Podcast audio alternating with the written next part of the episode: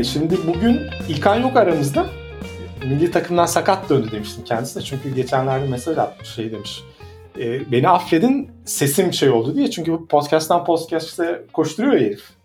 Hmm. E, sesini sakatlamış. Onun yerine e, genç bir arkadaşımıza forma veriyoruz Özgür'e. Çok da genç sayılmam ama. Özgür bize, bize biraz kendini tanıt diyeceğim ama çok kısaca böyle iki şeyde satırdan. İşte e, mühendislik okuyordum zamanında bıraktım. Bu işlere sardım. O arada ticaret yaptım, iş güç yaptım. Sonra şimdi felsefe okuyorum bitmek üzere. E, kendimce çeşitli e, blog açtık Düzensiz Org adında. 4-5 yıldır onu devam ettiriyoruz. Son zamanlarda bir YouTube ve podcast kanalı açtım tek başıma. Çünkü işte yazılı mecra yavaş yavaş bitiyor. İşte Metapolitika isminde Spotify'da, YouTube'da ya da herhangi bir podcast mecrasında aranırsa bulunur. E, bugün de özellikle ilgi alanım olan iletişim üzerine bir konuda e, bir program yapalım diye çok güzel denk geldi. Hı hı. E, bu konuya ben şöyle sardım diyeyim. E, benim Amerikalı bir hocam var okulda. Ben buna yüksek lisans dersleri alıyordum ve iletişim konusunda postmodernistleri bayağı okudum. Ve çok şey öğrendim onlardan. Hani postmodernizmi belki dinleyiciler pek haz etmiyor olabilir ama önemli bunları bilmek. Hani bir şeyi söylemenizden ziyade söylediğip söylememeniz, nasıl söylediğiniz, nasıl algılandığınız, nasıl algılatıldığınız bunların önemini kavrayınca e, denk geldiğim olguları buna göre incelemeye başladım. E, ifade özgürlüğü, iptal kültürü, işte Twitter'ın Trump'la kavgası vesaire konularında da böyle kendimce araştırmalar yapıyorum diyeyim. Evet. Ee, ya Korkut'cum sen e, geçen haftadan beri seçim seçim konuşacağız dedin. Programa 5 dakika kala konuyu değiştirdin. ifade özürlüğüne ben yanlış yere mi geldim? Hayır. Hayır seçim konuşacak. Seçimlerden sonrasını ifade özgürlüğüyle beraber konuşalım dedim. Ya e, istiyorsan Buyur, buyurun siz başlayın. Ama çok birbiriyle alakalı ya bunlardan. Şimdi seçimi ne konuşacağız abi? Şöyle bir durum var. E, bu biraz şey gördü. Erkekler arasında böyle erkekler toplanıp yani bunu ben yapmadım tabii de arkadaşlarım e, erkek arkadaşlar toplanıp porno seyredip e, 31 çekerlerdi biz şeyken lisedeyken. Şimdi bu Amerikan seçimlerini konuşma da biraz ona benzedi. Böyle herkes Amerikan seçimleri çok, çok karışık. Ee, bir sürü istatistik, data bilmem ne oradan alınıyor, bununla çarpılıyor, şudur budur. Ya millet artık e, bilmiyorum ya ilginç geliyor mu size? Ya şöyle sayıldı böyle sayıldı. Ya abi sayıldı bitti işte. Yani e, burada hani başka bir şeyler söyleyelim diyorum ben. Seçime dair bir şey konuşacaksak bile. Mesela çok önemli bu bence e, ya bu yazıldı da aslında bunu yazanlar falan oldu da mesela şey dediler abi. Ya bugün az önce bu yayına bağlanmadan önce e, bu bir gazeteci var, kadın var. Şimdi ona kızdım. Bakın hemen kadının tweetini okuyayım size buradan. Şimdi diyor ki Cansu Çamlıbel bu kadın ödüllü bir gazeteci mi ya? Herhalde öyle. Harvard Nieman Fellow 2016 demiş. İşte Editor in Chief, Duvar English falan filan. Şimdi mesela Biden'cı olmak değil. Mesela bütün dünyanın ruh halini zehirleyen yalancı, üçkağıtçı, cahil, hukuk kural tanımaz, kadın düşmanı, bilim düşmanı, Müslüman, koyu tenli renkten, koyu tenli herkesten nefret eden, seçmenlerine şiddet aşılayan, kötü kalpli bir muktedirden kurtuluyor olmak. Şimdi kadın bunu yazmış. Tamam. Yo, Biden'dan mı bahsediyor? Hayır, Trump'tan bahsediyor. Yani diyor ki diyor ki ya biz Biden'cı değiliz diyor. Tamam mı? Biz Trump'tan nefret ediyoruz demiş demiş demek istiyor kadın. Ya zaten benim seçim Trump anlatmış. Ya şimdi şöyle diyeyim Barış sen de gördün bunları. Bu çok böyle köşede bucakta kalan şeyler de değildi. Ya e, Trump bütün yani şimdi... azınlıklarda, azınlık demografilerinde oyunu yükseltti. Siyah kadınlardan Latinolara kadar. Herifin tek eksildiği yer beyaz ve yaşlılardı. Abi hani 4 sene bu boyunca ırkçıydı. Seçimin yani, hemen açıklandığı ilk günde ilk ortaya çıkan manzara buydu zaten. Sonra yani değişmedi de. Bunu nasıl değerlendireceğiz? Bunu Allah aşkına bunu nasıl değerlendireceğiz ya? Siz 4 sene herif ırkçı diye sabah akşam tweetler yazıldı, programlar yapıldı. E şimdi herif bütün bak bir de hani şöyle bir olay var. 2016'da bu herifi bilmiyorduk tamam mı? Sadece herifin sözlerinden yola çıkıyorduk. Ve e, bu herife karşı geliştirilen tepkiyi de anlayabilirim. Ama şimdi 2016'dan 2020'ye 4 sene geçti. Yani herifin bir icraatı var iyi veya kötü. Ve bu icraatına e, göçmen gruplardan yani beyaz olmayan Amerikalılardan bir cevap gelmiş. E, cevap ne? E, pozitif bir cevap. Yani herif her de, şeyde oyunu yükseltmiş. Hispanikler, siyahlar, kadınlar, erkekler sadece Trump'ın temel seçmeni denilen o ırkçı, beyaz ve yaşlı adamlarda herif eksildi. Ve onlar da gitti Joe Biden'a verdi. Ya şimdi bunu, burada oturup Şimdi ya ben ne dedim 4 sene bir kendimi tartayım yok. Ha böyle bir tweet var ortada Cansu Çamlıbel'den. Biden seçilmesinin yegane sebebi Trump olmaması. Trump da 4 sene önce seçilmesinin yegane nedeni Hillary olmamasıydı. Ben bu işi bu, bu şekilde görüyorum. Önümüzdeki seçimlerde de bu muhtemelen e, Biden olmayacak. Kamala Harris çıkacak o seçmenin karşısına. Harris olmayan birisi seçecek. Yani artık böyle e, demokrasilerde hani bu e, özgürlükmüş, eski tip sınıf kavgalarıymış. Yok bunların hakkını vermek, bunların hakkını aramak, biraz ona vereyim, biraz bu geçmişte kaldı artık. Yani şimdi çok basit bir şey söyleyeceğim. Yani bu seçimler hakkında şaibe var mı? Ya bunun çok güzel bir turnusol kağıdı testi vardır. Ya bu seçimler hakkında şaibe var demek sansürleniyorsa başka bir kanıt aramaya gerek yok. Ben hani bir kanıt olduğundan falan şey yapmıyorum. Muhtemelen bu mahkeme süreci de uzayacak. Bu kavga daha yeni başlıyor. Ee, bu işin sonunda artık bir de hani e, ne olur? Joe Biden birincisi dediğim gibi Trump olmadığı için seçildi. Bu elini rahatlatıyor çünkü bir söz vermedi. Yani hangi politika yapsa bravo diyecekler veya eleştirmeyecekler veya ben zaten bunu yapmaya söz vermedim diyecek. Ben ilginç bir soru soracağım. Şevki Yılmaz'ı hatırlıyor musunuz? 90'larda. Evet, Bayağı düşünsem aklıma gelmez ama şimdi hatırladım kim oldu. Evet evet. Saadet Partili bir figürdü. Bence e, benim dikkat çekmek istediğim öncelikli nokta şu işte Trump Türkiye'nin pardon Trump Amerika'nın Erdoğan dönüyor ama bence Trump Amerika'nın Şevki Yılmaz'ıydı. E, Trump'ın seçilmesi bence önemliydi. Kendisinin başkanlık yapması ya da bir daha seçilmesi çok iyi olmazdı. Ya da işte başkanlık sürecinde zaten bir şey yapamadı ama e, Trump şunu gösterdi. Trump ilk böyle işte ben müesses nizamın karşısındayım dediğinde bana pek inandırıcı gelmemişti. Çünkü hani, müesses nizam deyince Amerika'da e, Washington DC'de lobicilik yapan yaşlı beyaz adamlar işte Republicanlar falan gelirdi akla. Neyse bir şekilde bu seçildi. Daha sonra şunu fark ettim ben. Gerçekten bir nizam var, müesses nizam var. E, bunun kötü bir şey olduğunu ya da iyi bir şey olduğunu söylemek istemiyorum burada çünkü bu biraz e, kişiye göre değişir kişinin dünya görüşüne göre ama orada stabiliteyi hemen, sağlamak... hemen bir pardon lafını keseceğim. Doğan Gürpınar bu müesses nizamın veya akademisyenler bu müesses nizamın iyi bir şey olduğunu e, söylüyorlar. Buradan yani devam evet müesses, müesses nizam bizimle hem fikir olursa iyi bir şey olabilir ama Türkiye'deki müesses nizam da kötü bir şeydi mesela bundan 20 yıl önce. Evet. Hani Türkiye'deki müesses nizamı İslamcıların yıkmasını destekleyenler oldu. Bu ayrı bir tartışma ama Trump'ın seçilmesi benim için o müesses nizam denilen e, şeyi görmemi sağladı.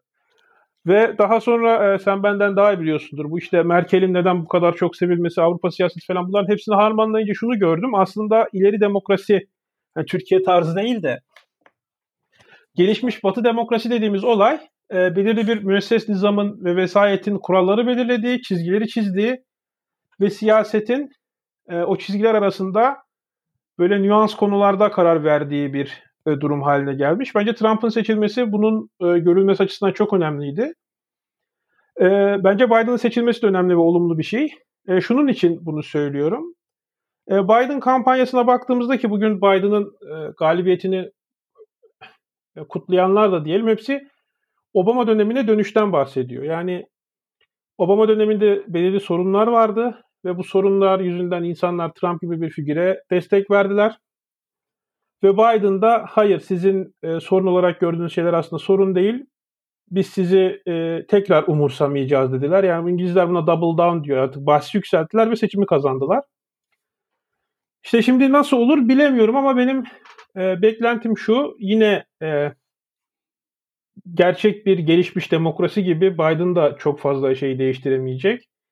Ve 2024 yılında e, Amerika'nın Şevki Yılmaz'ı değil, bu sefer Amerika'nın Erdoğan'ı belirli toplumsal sorunlar üzerine yükselmiş ama siyaset yapmasını bilen, konuşmasını bilen ve kitleleri e, etkilemesini bilen yani Trump'ın e, düzgün bir versiyonu görebiliriz diye düşünüyorum. Şimdi e, Özgür... Umarım demokratlar da öyle düşünüyordur. Özgür bu yani bir şey değiştiremeyiz. Ne değiştirmesini bekliyoruz ki? Ya Trump dedi ki ben e, gö- göçü durduracağım dedi. E, ki o göçü Reagan'ın neden başlattığını yani Latin Amerika'dan o göçmenlerin nasıl grev kırıcı olarak mavi yakalı işçilerin aleyhine e, getirildiğinden falan bahsedilir. Bunlar yazılır, çizilir. E, gümrük vergisi koyacağını söyledi. Yani burada mesele şuydu. İşte çağın gerekliliğini yerine getiremediğinden bahsedilen bu işçi sınıflarına hayır e, sizin biz mavi yakalı işlerinizi e, koruyacağız. Bunun için ne yapabiliriz? Bir içeride rekabeti engellememiz gerekiyor. Göçü durduracağız. İki dışarıda rekabeti engellememiz gerekiyor. Gümrük vergisi koyacağız gibi bir modelle çıktılar. E, çünkü e, Mel Magazine diye bir yerde okumuştum ben. Onun linkini e, e, Korkut'a vereyim. E, mavi yakalı insanlar özellikle mavi yakalı erkekler belirli bir yaştan sonra işini kaybettiği zaman evliliğini de kaybediyormuş. Çocuklarıyla olan ilişkisi bozuluyormuş. Yani bu insanlar için bu mesele sadece işte onlar bizim işimizi aldı meselesinden ziyade çok daha böyle yaşamsal bir boyuttaydı ve bunun değişmesini bekliyorlardı Trump'tan. Aslında bence beklemiyorlardı. Trump sadece şunu söyledi. Ben sizi duyuyorum dedi. Ben sizin sorunlarınıza benim e, değişiklikten kastım yani. değişiklikten kastım şimdi Trump döneminde neyin yapılıp neyin yapılmadığını az çok gördük ve büyük oranda kendi e, uç e, sözlerini yerine getiremedi. Ama şimdi Joe Biden'dan neyi değiştirmesini bekliyoruz? Sence Joe Biden e, Trump'ın Çin politikasını değiştirecek mi? Valla e, Joe Biden'ın seçim propagandasında bence çok da bundan bahsetmedi. Joe Biden Trump olmadığını peki, dile getirdi ve peki, Obama Joe dönemine döneceğinden bahsetti. Peki Joe Biden e, Trump'ın Orta Doğu politikasını değiştirecek mi? Değiştirir. Tam tersine belki daha fazla savaş ihtimali var şu anda Orta Doğu'da. Daha fazla saldırı ihtimali var. Ee, ya e, Barış şimdi aslında şöyle bir durum var. Sen, sen tabii bu soruları genele soruyorsun. Bize sormuyorsun ama. Evet evet. Yani ben de mesela e, açıkça Trump'ı desteklediğimi 4 seneden beri söyleyen biri olarak yani heriften e, ben e, sihirli bir değnekle bir şeyler yapmasını hiçbir zaman beklemedim. Ama ben şöyle söyleyeyim. Türk kökenli ve İsveç'te hayatımın yarısını İsveç'te yaşamış biri olarak ben sadece şunu gördüm. E, bizim burada e, bize sorulmadan üzerimize dayatılan bir takım politikalara biz e, ya Batı toplumları sandığa giderek bunu cevaplamaya çalıştılar bugüne kadar. Ve hala da böyle yapıyorlar, yapacaklar da daha uzun bir süre. Biz de ne yaptık? İşte beğenmediğimiz şeyleri gittik sandıkta sesimizi duyurmaya çalıştık. Gidenler Şimdi... gitti, gitmeyenler başka bir şey yapmadı. Ama şöyle bir durum var. Bizim sesimiz sandıkta duyulmadığı gibi bak açık söyleyelim Özgür de bu konuş, konularda çok ilgili yakından takip ediyor. Ee, İsveç'te bu İsveç'in göç politikalarına karşı olan bir parti var. Sverige Demokratlar diye İsveç Demokratları. Ya bu adamların parti politikalarına baktığın zaman 90'ların e, sosyal demokratları.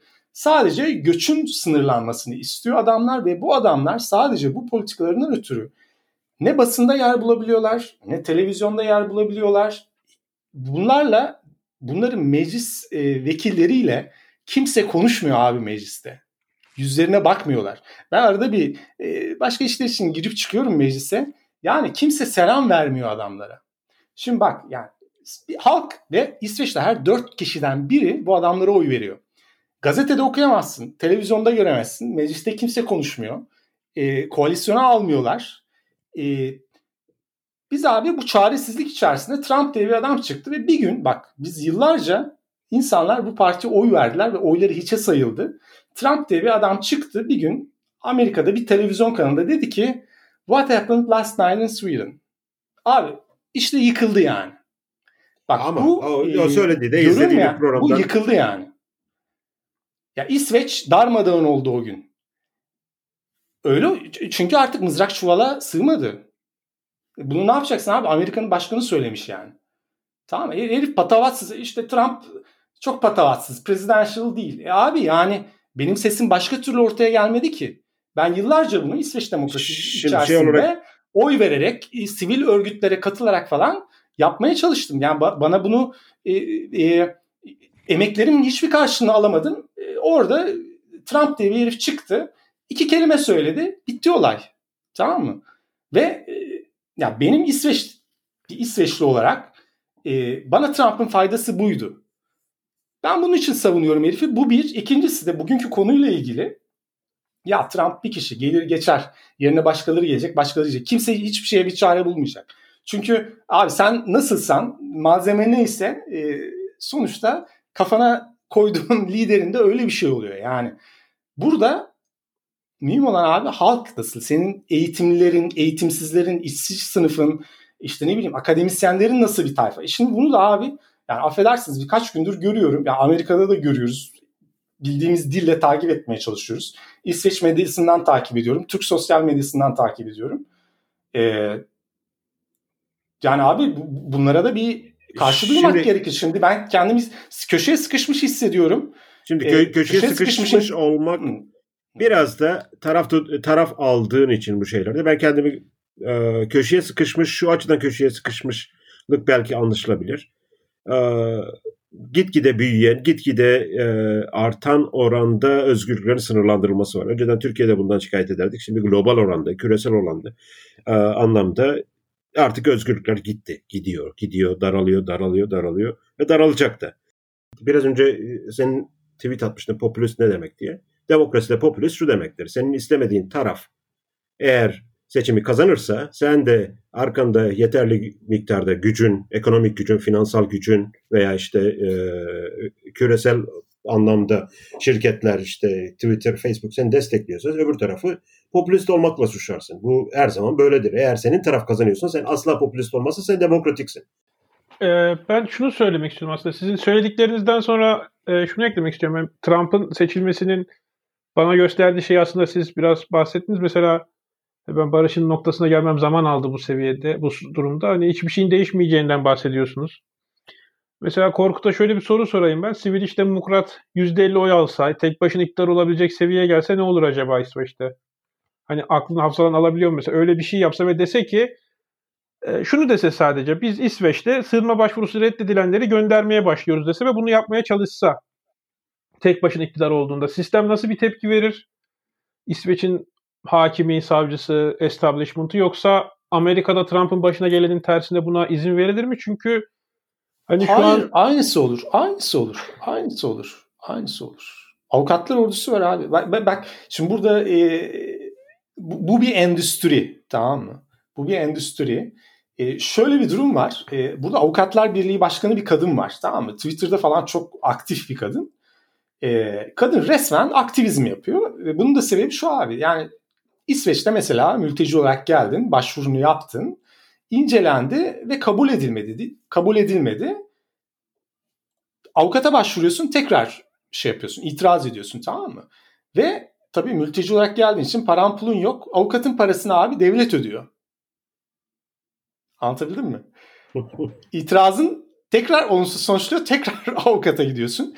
Dolayısıyla bak e, e, bunlar Barış'ın ilgilendiği konular. Burada devlet böyle bir sistem yapmış abi. Yani şimdi burada avukatın ya bu mamanın peşini bırakmasına imkan yok. Burada çok güzel bir mama var. Yani o yüzden bunların başındaki de kadın da çıkıyor e, mülteci aktivizmi yapıyor. Yani kadının umrunda değil ölenler kalanlar denizde boğulanlar botla geçmeye çalışırken ölen çocuklar falan. Onun olayı şu abi yani bunlar gelsin e, kabul edilmesinler başvuruları e, bizim avukatlar da bol bol para kazansın. Çünkü böyle işleyen bir sistem var. Şöyle söyleyeyim e, bu Abba'nın bir menajeri vardı. Bilmem ne Carson herifin şimdi ismini unuttum da. E, herif e, bu İsveç demokratlarından önce başka böyle bir yabancı politikasına karşı gelen başka bir parti vardı. Onun kurucularından biriydi. Yani böyle nasyonalist bir herif. Şu anda bu herif var ya ne yapıyor biliyor musunuz? Ee, İsveç'in her bir tarafında mülteci konuk evleri açtı herif. evet mülteci konuk evleri açtı. Misafir ettiği mülteci başına devletten para alıyor kelle başına. Ya tamam bu konuyu mı? şunun için sordum ben. Yani burada şunu demek istiyorum. Yani pardon e, şey yapmayacağım ama e, izin verirler mi? Vermezler abi. Burada burada bir endüstri dönüyor. Anlatabildim mi? Ya burada bir endüstri dönüyor. İşte Amerika'daki korporasyonların Çin'le ilişkilerinden bir endüstri dönüyor. İşte e, Amerika'da mavi yakalı işçilerin e, maaşlarının düşmesinden bir endüstri dönüyor. Her şeyden bir endüstri dönüyor. Burada demek istediğim şu yani bu bir örnekti sadece. Bu konuları çoğaltabiliriz. Hani bundan 5 sene önce, 10 sene önce hani demokraside olsa, oy da verseniz, istediğiniz siyasi parti lider de gelse sizin bazı konularda kesinlikle hiçbir şekilde gücünüz olmayacak deseydik bu çok radikal gelirdi insanlara ve işte e, ağır ithamlarda bulunurdu. Ama günden güne artık bu e, çevremize bakabiliriz. Yani sosyal medyaya bakın ne bileyim aklı başında okumuş yazmış akademik insanlarla birebir görüşmelerinize elin artık cidden bu bir kabul haline gelmiş durumda ve ben bunun çok sıkıntılı bir şey olduğunu düşünüyorum. Yani e, sistemler her ülkenin hangi sistemi siz kime oy verirseniz verin siz ne yaparsanız yapın şu şu şu x y z konuları tartışmaya kapalıdır.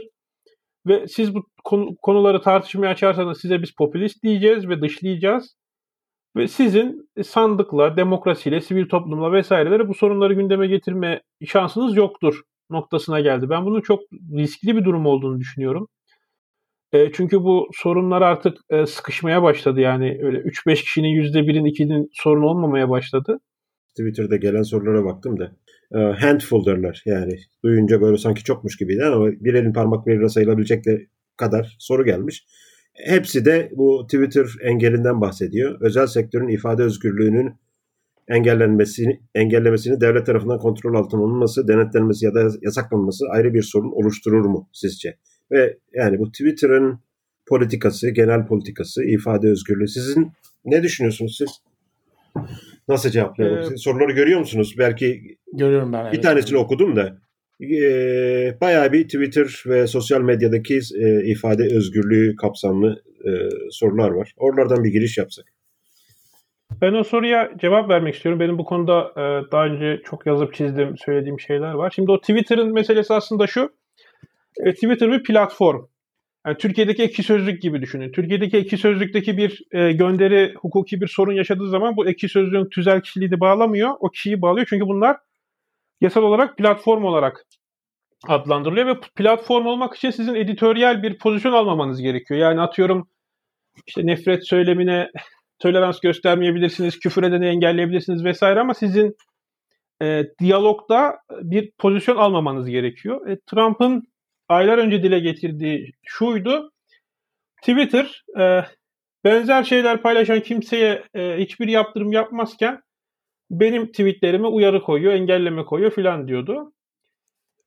Ve Twitter bunu e, bir yayın olarak ya bir yayıncının yasal statüsünden değil platformun yasal statüsünden yapıyor. Şimdi Twitter bir yayıncının yasal statüsünde olsaydı zaten olamazdı. Herkesin attığı tweetten sorumlu olacaktı yani platformun yasal e, statüsüne sığınıp bir editoryal taraf aldığını iddia ediyordu ve Cumhuriyetçiler de e, 230 işte repeal 230 numaralı kanunun kaldırılması şeklinde buna tepki gösteriyorlardı. Yani bütün kavga burada. Hani Twitter'ı Trump Twitter'ı falan kapatmaya çalışmadı aslında orada. Sadece dediği siz taraflısınız. Sizin editoryal bir pozisyonunuz var ve siz platform olma özelliğinizi bu yüzden kaybediyorsunuz. Buna göre yasal çerçevede e, görev değerlendirilmeniz gerekiyor kavgasıydı. Sansürden farklı bir şey bu aslında. E, ben Barış'a şunu soracağım. E, bu evet.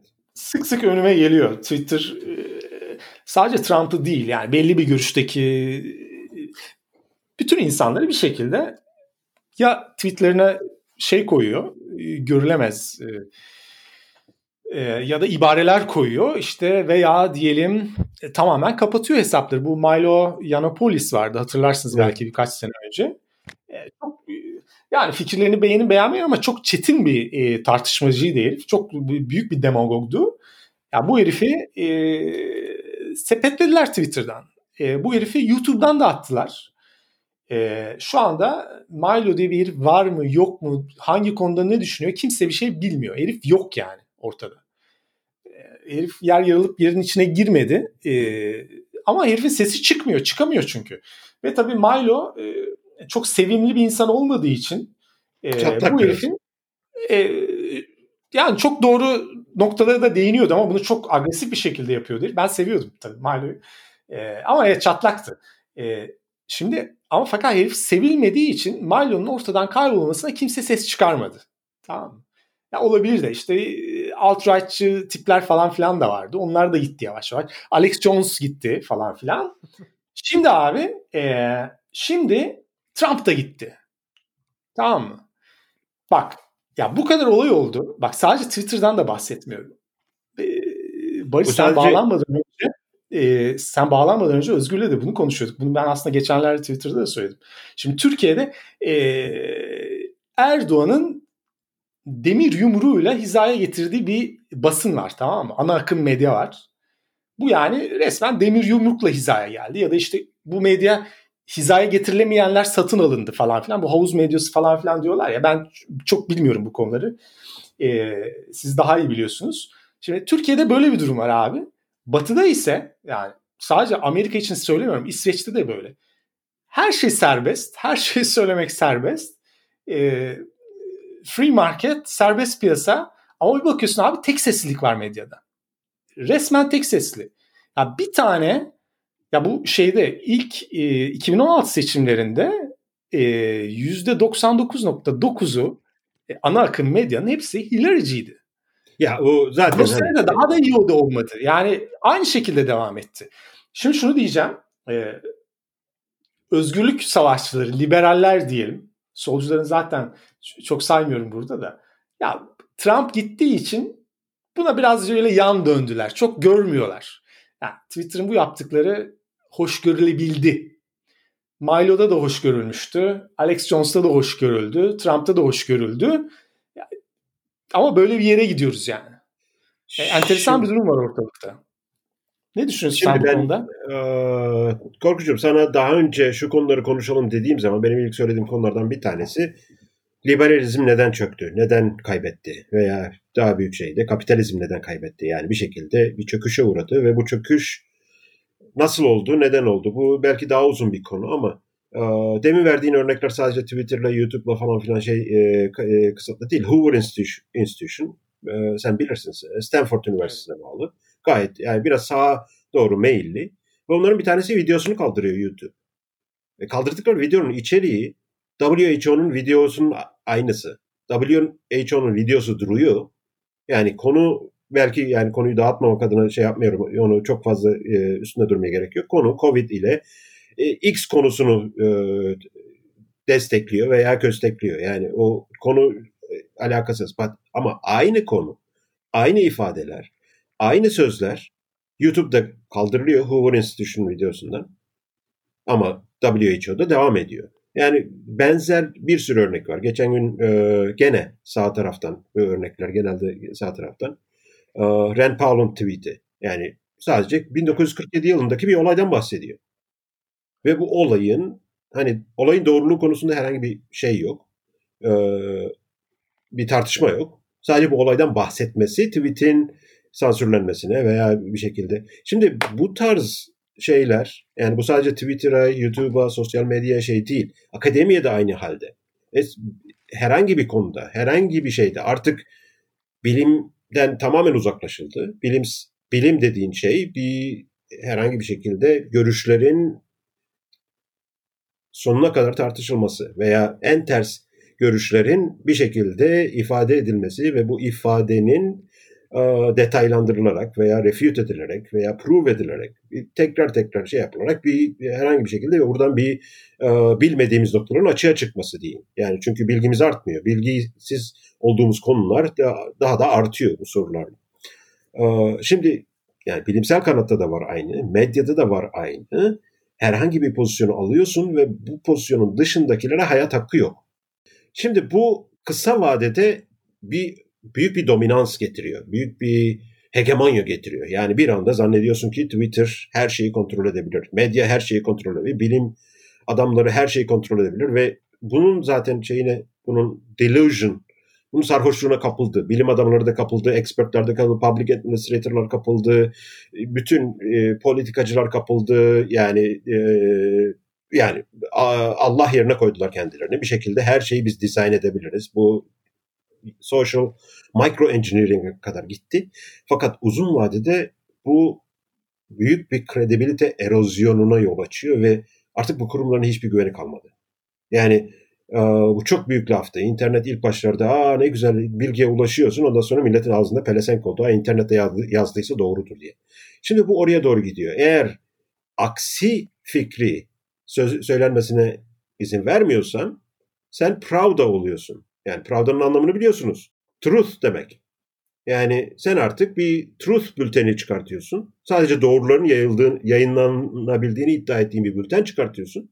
Ve böyle bir dünyaya, böyle bir 1984 Orwellian dünyada double think oluyor. Artık herkes bir şekilde kendi pozisyonu ona göre belirlemek zorunda oluyor. Akademiyada, research'te, scientific'lerde sen eğer ne bileyim işte sincapların çiftleşmesini araştırırsan sana fund gitmiyor da küresel ısınmanın sincapların çiftleşmesine etkisini araştırırsan sana fund geliyor. Yani böyle bir şeyde artık aksi görüşü savunamadığın bir yerde bu da bizi ifade özgürlüğüne götürüyor zaten. İfade özgürlüğünün olmadığı bir yerde bütün kurumlar çatır çatır çökecek. Bunu hepimiz biliyoruz ama bu, bu çöküş hani e, yaş tutanlar hatırlayacaktır. Kanlı mı olacak, kansız mı olacak? Sakin mi olacak, barışçı mı olacak, savaşla mı olacak? Onu tam kestiremiyoruz. Şimdi sen biraz çok kara kara bir tablo çizdin ama Özgür Gittiğimiz yer o. Ben... Yani ben kara ben hayır ben, ben çizmedim tablo. Tablo kara ben size anlatıyorum. Ben, ben sana katılıyorum zaten. Özgür'e de katılıyorum. Fakat e, mesela Doğan Gürpınar şöyle bir tweet var abi. Dün attı bunu. Okuyacağım size. Normalleşme. İnsanlık olarak normalliğe bu kadar muhtaç olduğumuz zaman da bize ümit verdi. Pensilvanyalısı, Georgialısı, Wisconsin, Wisconsin, Wisconsinlisi. Hepsine teşekkürler valla. Old white male ex-working class'tan hepten ümidi kesmişken az birazı yetti. 1955-1970 arası dünya tarihinin en hızlı büyüdüğü, müreffehleşmenin refah devletiyle bunun toplumsal kesimlere görece geniş dağıldığı döneme ve bu sürecin insanlara aşıladığı iyimserliğe, huzura, o mazide kalmış parantez içinde batının dünyanın normalliğine o kadar özlem duyuyoruz ki Biden ve gelecek yürütme sadece sadece normallik parantez için oturma kalkmaya dair asgari medenilik, medenilik standardı sunuyor ve insanlar bu normalleşmeden alabildiğine mutluluk duyuyor. Düşününce akıl almaz. Normallik radikaliyiz, fanatiyiz, militanıyız. Ve şöyle de bir ek yapmış. Dahası LGBT, kadın hakları ve diğer kimlik hakları son 20-30 yılın mücadelesiyle kazanıldı. Ama e, bunun yarattığı reaksiyon bizi bu çağın anormalliğine mahkum etti diyor Doğan Gürpınar. Bugünün çok kültürcülüğünün normalliği umarım 5 yıl sonra tesis edilebilir. Tamam mı? Yani Doğan Gürpınar çok e, sana bana ve Özgür'e nazaran çok daha böyle pembe bir gelecek çizmiş. Normalleşme olarak nitelendiriyor bunu. Normalleşme ve e, başarı diye adlandırıldığı dönem Soğuk Savaş dönemidir. Soğuk Savaş'ta şöyle ifade edilir veya benim ifadem, benim bulabildiğim bu. Sovyetlerin veya Rus blokunun öldürdüğü herkesi e, bir şekilde duyurulmasını sağla ama kendi tarafının öldürdüğü ve mal olduğu canları hiçbir şekilde kabul etme veya bunları hiçbir bunların amaçlarını barışçıl olarak açıkla şeklinde çok gene crooked, gene böyle iki yüzlü bir anlayışın ortaya koyduğu bir şey ve ki e, ben e, hani o dönemin öyle çok da barışçıl olduğuna pek fazla inanmıyorum. Yani e, çok konspirasi teorist olmaya, olmaya gerek yok bunları şey yapmaya. Biraz deşerseniz çıkar. Yani Soğuk Savaş'ın iki tarafta da maliyeti. Bir diğer tarafta burada hani devletin veya bir şekilde e, establishment dediğimiz olayın ki bu Trump'ın da başını yedi, başını yiyecek. E, Şimdi Twitter'da bakıyorum birisi sormuş e, GOP 2024 adayları kim olur? Hemen ben Tucker Carlson diyorum. Benim tahmin ettiğim aday o. E, ama mesele şu. Yani orada bir illüzyon çiziyoruz ve bu illüzyona o kadar sıkı bir şekilde bağlanıyoruz ki sanki gerçekmiş zannediyoruz.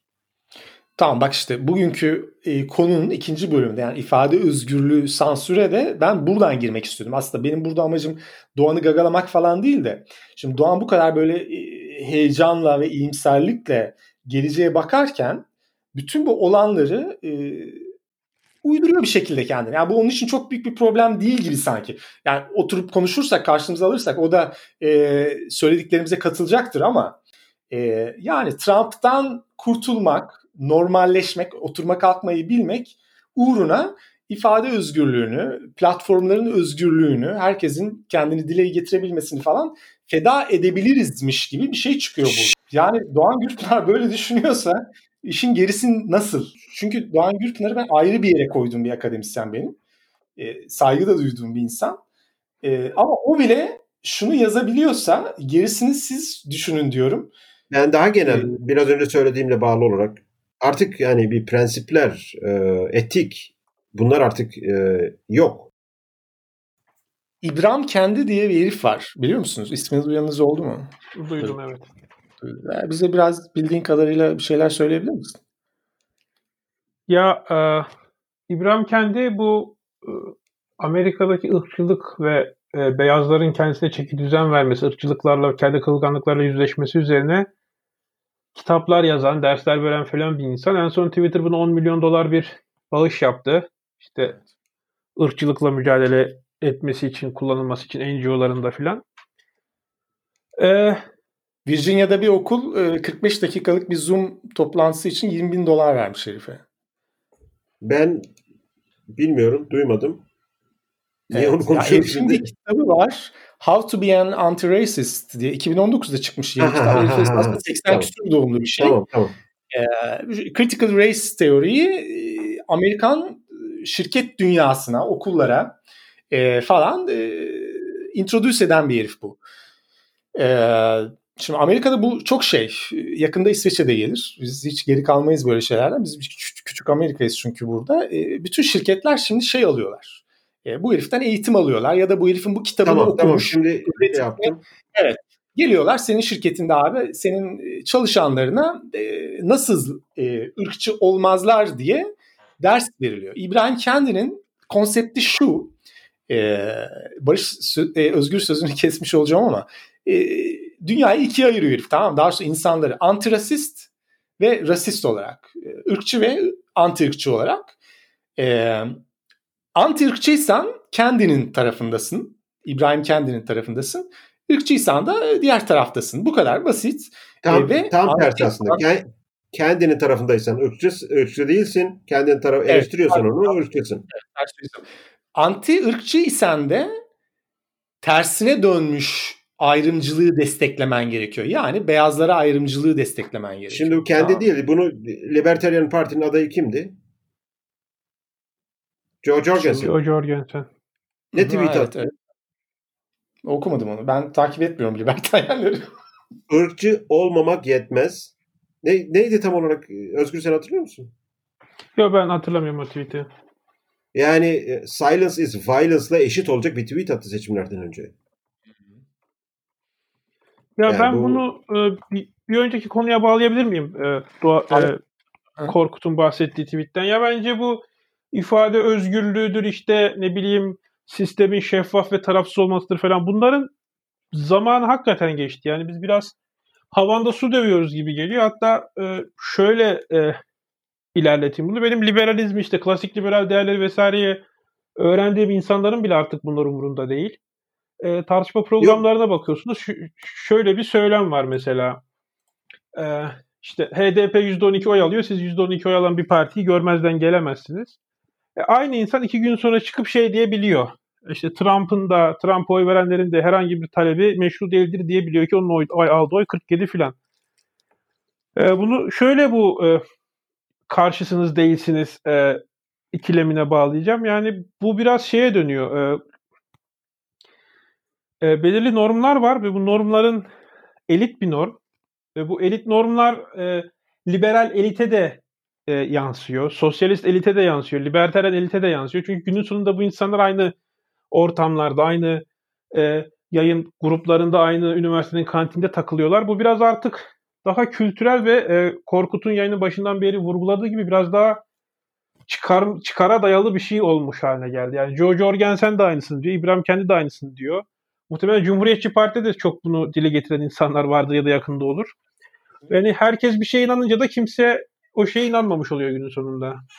Bu şey ayrıntısı iyiydi. Twitter'ın bu herife 10 milyon dolar verdiği ayrıntısı iyiydi. Çünkü e, Trump'ın e, bu critical race teoriyi ortadan kaldırma gibi bir şeyi oldu. Executive order oldu. Kaliforniya'daki şey diyorsun.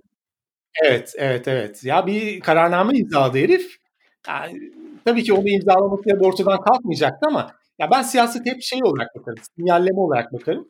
Bunun da bir önemi var, yok değildir. Biraz önce ben açık açık söyledim zaten. Yani liberalizm kaybetti. Son özellikle 1945 sonrası dünyada tekelci kapitalizm, tekelci dünya görüşü kazanmıştır. Sosyal medyada fikir özgürlüğü olur mu? Bana kalırsa evet. Twitter ne karar verirse versin. Çok da bir şey söyleme. Yani sen de Twitter ol, sen de yap kardeşim. Dir benim e, çözümüm. Twitter özel şirkettir. Bunu bir anda yani hayatları boyunca özel şirkete karşı çıkmış insanlar bir anda özel şirketçi oluverdi. Bu ilginç. Ben hani e, e, üzgün değilim veya herhangi bir şekilde kısmıyorum onlara bizim tarafa geçtikleri için de. Ama ne oldu? Nasıl bir anda böyle private property'ci oldunuz, şey yaptınız? Hani kamu haklarıydı, hani ezilen insandı. Bu Twitter, Facebook eğer gerçekten özel sektör olsaydı hiçbir sorun yok. Ama perde arkasında bunlar özel sektör değil. Bunlar FBI'den danışman tutuyorlar. Bunların bütün danışman kadroları devletle, bunlar devletle kucak kucağa yatak içindeler. Peki bu özel şirket değilse abi, e, e, işte devletle kucak kucağı ise bu Selin Böke'nin geçenlerde çok tartışılan bir şey vardı. İşte biz iktidara geldiğimizde bu ihaleleri e, devletleştireceğiz dedi. Tamam mı şirketleri? Şu devletleştireceğiz değil mi? Şimdi Hayır, devlet yani, kısaca söyleyeyim. Bir sonraki popülist lider de gelin, gelince acaba şey dese Twitter'ı devletleştireceğim Okucu. dese arkasında dururlar mı acaba liberaller? De, Onu merak Şimdi ediyorum. devletleştireceğim ne demek? Devlet ondan alacağım ben ahbabımı vereceğim demek. Ya, tabii canım yani.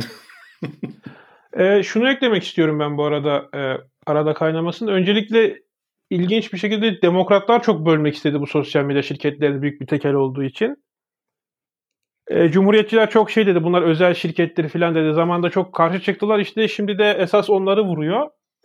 E, benim libertaryen arkadaşlarla tartışmalarda ben bu şirketlerin özel şirket olarak görülmesinin çok sağlıklı olmadığını düşünüyorum. Burada problem bence şu.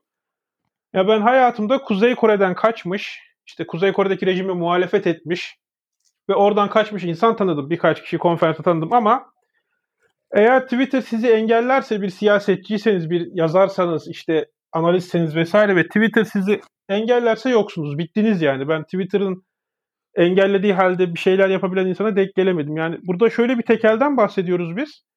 Yani siz Kuzey Kore'de muhalifseniz bir şekilde Amerika'ya kaçabiliyorsunuz. Yani Kuzey Kore'deki rejimin hoşuna gitmiyorsanız bir şekilde var olmaya devam edebiliyorsunuz. Twitter'ın hoşuna gitmiyorsanız bittiniz. Siyasi hayatınız bitti.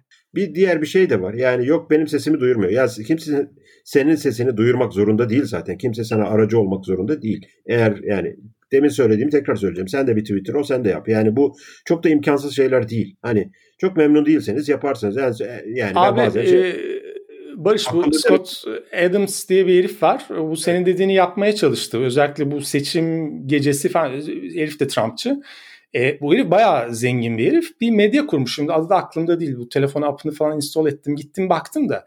Abi paran varsa e, paran varsa da yapamıyorsun. Yani bu herif çok e, etki alanı geniş bir adam. E, parası da var. Çevresi de var. E, yapmış.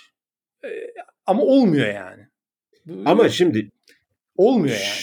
Şöyle bir şey diyeceğim. Benim mantığım şurada. Benim mantığım Aa, git başka bir tane sosyal medya, medya şirketi şey yap. Bütün mesele burada politikanın gündelik hayatımızdaki baskınlığından kaynaklanıyor. Benim sorunum orada.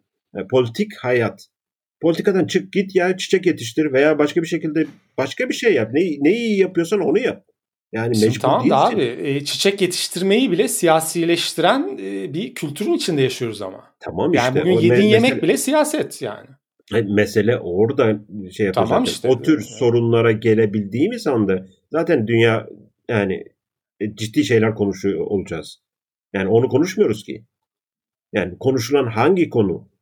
Ee, Yani e, bütün bu LGBT haklarından ne bileyim abortion'dan e, hangi konu bizim gündelik hayatımızı ilgilendiriyor? Günde kaç sefer abortion sonucuyla biz karşı karşıya geliyoruz, şey yapıyoruz. Veganlık yani her gün karşı karşıya aslında ya. Ya seni bir hariç tutuyorum. Yani diğerlerimizi günde kaç sefer ilgilendiriyor bu, bu tarz konular? Hayır veganlık hepimizi bizim... ilgilendiriyor abi. Ha veganlık. Veganlık, Tabii. veganlık dedi. Şimdi mesela sen çocukları okula gönderiyorsun. Göndermiyorum. Bu talebin e, yani, yani tam sen gönderme ama çoğu insan gönderiyor. Dolayısıyla biz zaten bu programda kendimizden bahsetmemeye çalışıyoruz da genele e, dair bir şeyler çalışıyoruz. Burayı tamam keserim.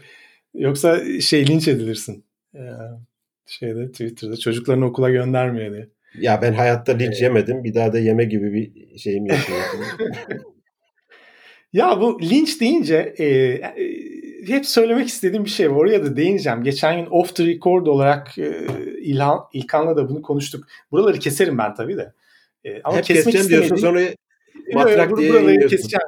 Çünkü abi şöyle bir olay var. E, şimdi bu e, iptal kültürü tamam mı? İptal kültürü bu çok yakın bir zamanda benim başıma geldi bu yaz döneminde. Yani görenleriniz vardır işte. İkiniz de görmüşsünüzdür. Ee, sadece ben değil ama geçenlerde bu İlkan da bize bu işin arka yüzünü anlattı. Şimdi bu bir, herifin biri intihar etmişti tamam mı? İşte işsizim bilmem neyim falan filan Hı. diye. Ee, kadın bir gazetecinin mi feministin mi birisi de çıkmış işte şey demiş yani intihar, intihar edeceğine aktivizme kendine ver. Hani sen diyorsun her şeyi politize etmeyelim. Kadın da onu politikaya çağırıyor tamam mı? Politikaya gir ki intihar etme gibi e, salak saçma bir şeyi var. E, reçetesi var kadının. Tabii bu söylemi çok tepki çekti. E, çok tepki çekince e, kadın da geri adım atmadı. Ben İlkan'ın anlattıklarından aktarıyorum şimdi. Benim de çok aklımda kalmadı. Kadın e, bu sefer kendini eleştirenlere e, çirkin cevaplar vermeye başladı. Bu arada Doğan e, Gürpınar da demiş ki ya e, yanlış bir şey söyledin. Yani hatanı kabul edip susacağına hala devam ediyorsun gibi çok normal bir yorum yapmış. Ve e, Doğan'a bir anda hücum edildi. Dediler ki işte bir kadına sus dedin. Nasıl dersin? Bir akademisyen işte akademideki cinsiyetçiliğin şeyi örneği burada tamam Şimdi bak örnek bir bu. İkincisi Ali Gül. Bu Ali'yi tanıyorsunuz Ali Gül'ü. E, Ali Gül'ü evet. ben e, Felix Jerzinski e, rumuzuyla Twitter'da gezerken tanıdım. Ya ben de şöyle bir olay var. Abi. Çok iyi yazı yazan insanlara ben e, büyük kredi veririm. Nazarında. Onun hikayesi iyiydi. Hikayesi. Evet bunu da hikayesini dedim. Herif cemaatçi bir aileden geliyor. Bunun abisi falan çok sofu bilmem ne. Hindistanlara, Pakistanlara bir yerlere gidiyor. Çok güzel yazmış herif tamam mı? Ve orada herife ben bir sempati beslemeye başladım o, zamanlarda Ali Gül'ün böyle çok bitirim zamanları işte feministleri işte döve döve bilmem ne yapmayı falan da anlatabiliyor bazen Twitter'da. Ya ciddi olmadığını biliyorum herifin tabii de. Neyse gel zaman git zaman bu herif hapse de girdi. Ee, bu video çekmelerden dolayı e, muhalefette. Neyse çıktı oradan. Şimdi Ali Gül işte avukat oldu bir şey oldu ve şu anda e, politikaya oynuyor. Bence görüyorum yani. Herif Türkiye'de e, muhalefet arasında hani bir isim yaptı. E, buradan yürüyor. Yürüyecektir de. Akıllı bir herif. E, ama sürekli arada bir Ali Gül'ün o eski yazdıkları, yaptıkları sürekli önüne getiriliyor herifin. Tamam Sürekli linç edilmeye çalışılıyor. Şimdi burada bir şey, bir farka dikkat çekeceğim. Bu iptal kültüründe. Ya beni de e, bir hafta falan oynadılar yani benle böyle. Bayağı bir uğraştılar e, İsveç siyasi partilerini falan tagladılar. Herifi vatandaşlıktan atın bilmem ne şu falan diye. Enteresan günlerdi. E, şimdi ben, Doğan ve Ali Gül arasındaki fark ben oturdum düşündüm bunu. Çünkü o herifler de tepki aldılar. Ben şuna bağlıyorum abi. Ben ortada bir oyun var. Yani bir platform var tamam mı? Bu platforma çıkıp Doğan Gürpınar'ın dediği gibi oturmasını kalkmasını bilerek tartışman gerekiyor tamam mı? Kural bu. Bu kuralı biliyorsan başarılı oluyorsun, bilmiyorsan başına bir sürü işler geliyor. Şimdi bu kuralı ben biliyorum ama kabul etmiyorum ve o podyuma da çıkmıyorum. O yüzden e, bana gelen saldırıların hiçbiri bana dokunmuyor. Ama Doğan Gürpınar olsun, Ali Gül olsun. Bu herifler o podyumda e, legal şartlar içerisinde oturmayı kalkmayı bilen insanlar olarak bulunmak istiyorlar. Bu yüzden de başlarına bunlar geliyor. E, Doğan Gürpınar sürekli e, arada bir suçlanacaktır. Yani en ufak bir lafı şeyden saptığı zaman, mainstream akademiyadan saptığı zaman cinsiyetçilikle suçlanacaktır. Ali Gül e, politikada ne zaman bir adım daha yukarıya doğru atsa her zaman bu getirilecektir. Böyle bir iptal kültürü var. Sürekli bu demokrasinin kılıcı gibi bu heriflerin başında gezecek bu. Engizisyon, e, ne bileyim işte cadı avı, bu McCarthyizm her dönemde olmuş bunlar. Ve farklı olan bunu farklı bir teknolojiyle yapıyor olmamız. Ve bu şekilde hani Twitter, Facebook bunların hani arkadaş bulma algoritması da insanlar arasında iletişim arttırmak değil, kamplaşmayı arttırmak üzerine konu. Bu şekilde yetişmiş bir gençlikten, bu şey, bir jenerasyondan çok da fazla bir şey beklememek lazım. Şu anda onlar e, bilmiyorlar. Bilmedikleri için de e, bildiğini zannediyorlar. Bildikleri zannettikleri için de her türlü e, cancel hakkını kendilerinde meşru görüyorlar. Bence bir pasta var. E, bu akademik bir pasta olabilir. Daha progresif ya da merkezde siyaset yapan bir pasta olabilir. Mesela e, Korkut'u iptal etmeye çalışsalar bence hiçbir etkisi olmaz. Çünkü Korkut'un e, öyle bir durum yok. Ama Doğan Gürpınar'a ilk e, ben Korkut'un bahsettiği olayı takip etmedim ama e, bir haksızlık yapıldığı muhakkak ama o bundan çok daha e, etkilenebilir bir durumda. Çünkü o gerçekten bir diyalog kurmaya çalışıyor. Bu Britanya'da mesela e, J.K. Rowling'i e, kadına kadın diyelim dediği için evet. bir linç etmişlerdi ilginç bir şekilde ama mesela e, Camilla Paglia'yı ya da ne bileyim Douglas Murray falan linç edemezlerdi, iptal de edemezlerdi. Bence bu biraz devrim kendi çocuklarını yiyor noktasına kaydı. Chomsky'yi e, iptal, iptal etmeye çalıştılar. Yani Chomsky'yi iptal etmeye çalıştılar. E, içerik konusunda da e, bu medyada e, şey vardır. E, mesela bütün gün çıkıp iktidar borazanlığı yapmazsınız ama e, muhalefetin fikirlerini savunacak in, e, konuda çok saçma sapan insanlara söz hakkı tanırsınız ama e, sizin hoşunuza giden konularda daha makul insanların fikirlerini yayarsınız. Böylece insanlar bakınca karşıdaki fikri sanki saçma sapan insanlar savunuyormuş gibi görür.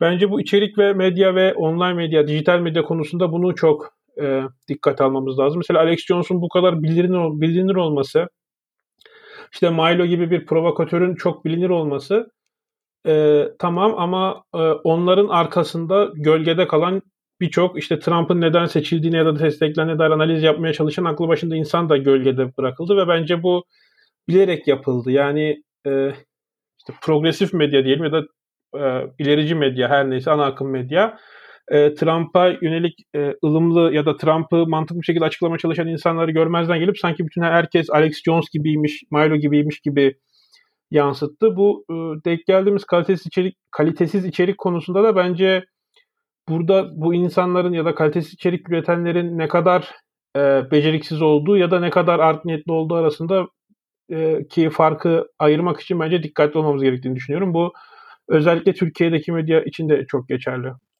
Son bir soru. Ben burada şey yapıyorum işte Trumpizmin geleceği ne olacak? Belki sen de onunla bir kapatmak istersin. Ee, o kısa vadede ben Trump'a kimsenin sahip çıkacağını zannetmiyorum. Ee, özellikle Cumhuriyetçi kanattan gelmiştir veya gelecektir. Beklediğim şeyler e, ya Trump da iyi ediyor artık, artık bırakması lazım. Çünkü establishment esas e, Trump'a karşı bir yarası var. E, çünkü Trump onların ellerinden aldı Republican Party'yi. istemeye istemeye ona aday yaptılar. Hatta George Bush bile Hillary'ye endorse etmişti 2016'da. Hı hı. Oradan bir şey var. Oradan bir dayak yiyecektir. İkincisi Supreme Court'tan bir dayak yiyecektir hani daha uzun boylu tahminim e, bu cumhuriyetçi tarafta Tucker Carlson gibi bir adam belki tekrar böyle Trump'ın yerine oynar. Trump ne yapar şimdi? Ülkede mi kalır yoksa dışarı çıkıp oradan blogculuk mu yapar, web sitesi mi yönetir, podcastçilik mi yapar? Yani nasıl e, bir şey yapar? kuracakmış diye bir laf duydum geçen de ama. Olabilir dışarıdan öyle bir şey yani Anca onu yapar diye düşünüyorum. Yaşını anca falan da düşününce. Bu Marcus'un e, bitirdiysen, bitirdin mi? Bitirdim. Yoksa devam edeceksen. Ya kapatalım bir iki saate yaklaşıyor. Kapatalım. Özgür'e vermeden önce Özgür kapatsın. Ben bu Markus'un e, senin de cevapladığın Trumpizmin geleceği ne olacak? Bu adama oy veren 60 milyon insanı düşünürsek diye bir sorusu var. Aynı soru. Ona ben de kendimce cevap vereyim. Ee, ya bu seçimde Trump'a oy verenler Trump'a oy verdi. Biden'a oy verenler Trump olmaması için verdiği için aslında herkes Trump'ın politikalarına oy vermiş oldu bir şekilde. E, ister istemez. Yani Trump'ın e, 2016'da e, ona kazan, seçimi kazandıran bir takım soruları ele almıştı. Bu sorunlar hala duruyor. E, bu sorunların çözülmedi. Dolayısıyla Trumpizm ölmeyecek. E, Tucker Carlson isminde ben de birleşiyorum. E, gerçekten çok e, e kendini öne çıkardı son 4 senede Tucker Carlson. Bir de retoriği falan çok güçlü, genç bir adam. E, şey çok örnek bir aile babası, çok çocuklu. E, lisedeki aşkıyla falan mı ne evlenmiş öyle bir şey var. Hiçbir skandalı yok herifin. E, Bu e, liberal evli... görüşleri de var. E, kesinlikle tutucu değil. Son derece dört dörtlük bir adam ve çok iyi demagoji de yapıyor. Yani e, Tucker Carlson'ı ben de e, altını çiziyorum. E, çünkü ondan başka da hani evet e, ya Trump'ın bir şeyi vardı. Beğenelim ya da beğenmeyelim bir karizması vardı. Şimdi o karizmaya ulaşabilecek popülist başka bir herif ben göremiyorum önümde. Ya ne bunun kızı ne oğlu Trump'ın. Yok o göremiyorum. A, a, Başka aile, göremiyorum. Aileden bir şey gelmez. Ama Tucker Carlson gerçekten 12'den e, vurma isabetli bir seçim olur. Eğer GOP ben e, ben destek sürerse, anlamında söylemedim yalnız. Tahmin anlamında söyledim. Tabii tabii ben, onu söylemedim. Ben, ben destek anlamında söylüyorum tabii. Özgür? Bence Cumhuriyetçi Parti'nin bu e, İngiltere'deki muhafazakar partinin de aldığı pozisyon bu ekonomide sola, kültürde sağa kayma muhabbeti. Bence onu en net e, takıl karşısında görebiliriz cidden. Hani başkan adayı olur mu bilmiyorum ama bence önümüzdeki e, yıllarda e, Anglo-Sakson dünyada olsun, Avrupa'da olsun muhafazakar siyasetin geleceğinin e, çizgisini o adamda görebiliriz. E, benim ilgimi çeken bir e, durum daha oldu. Candace Owen diye bir kadın var. Takip ediyor musunuz bilmiyorum. Bu bir e, siyahi, cumhuriyetçi. Bayağı da radikal bir cumhuriyetçi. E, sosyal medyada buna işte 2024'te adayımız sen ol. Senin zaten fikirlerin 3 aşağı 5 yukarı Trump'la aynı ama e, siyahi bir kadın olacağın için sana fazla muhalefet edemeyecekler şeklinde mesajlar gördüm. Bayağı yoğun kadınlı mesaj bombardımanına tutmuşlar. Yani e, 2024'te böyle ilginç bir Carlson gibi ya da Candace Owen gibi ilginç figürlerin öne çıkacağı bir seçim görebilir miyiz bilmiyorum ama bence e, dünyanın gidişatı e, 2024'te Tucker Carlson'ın bugün gösterdiği ideolojik çizgide bir e, siyasetçiyi e, cumhuriyetçilerde de olsun, demokratlarda da olsun ortaya çıkaracak gibi geliyor başkan adayı için.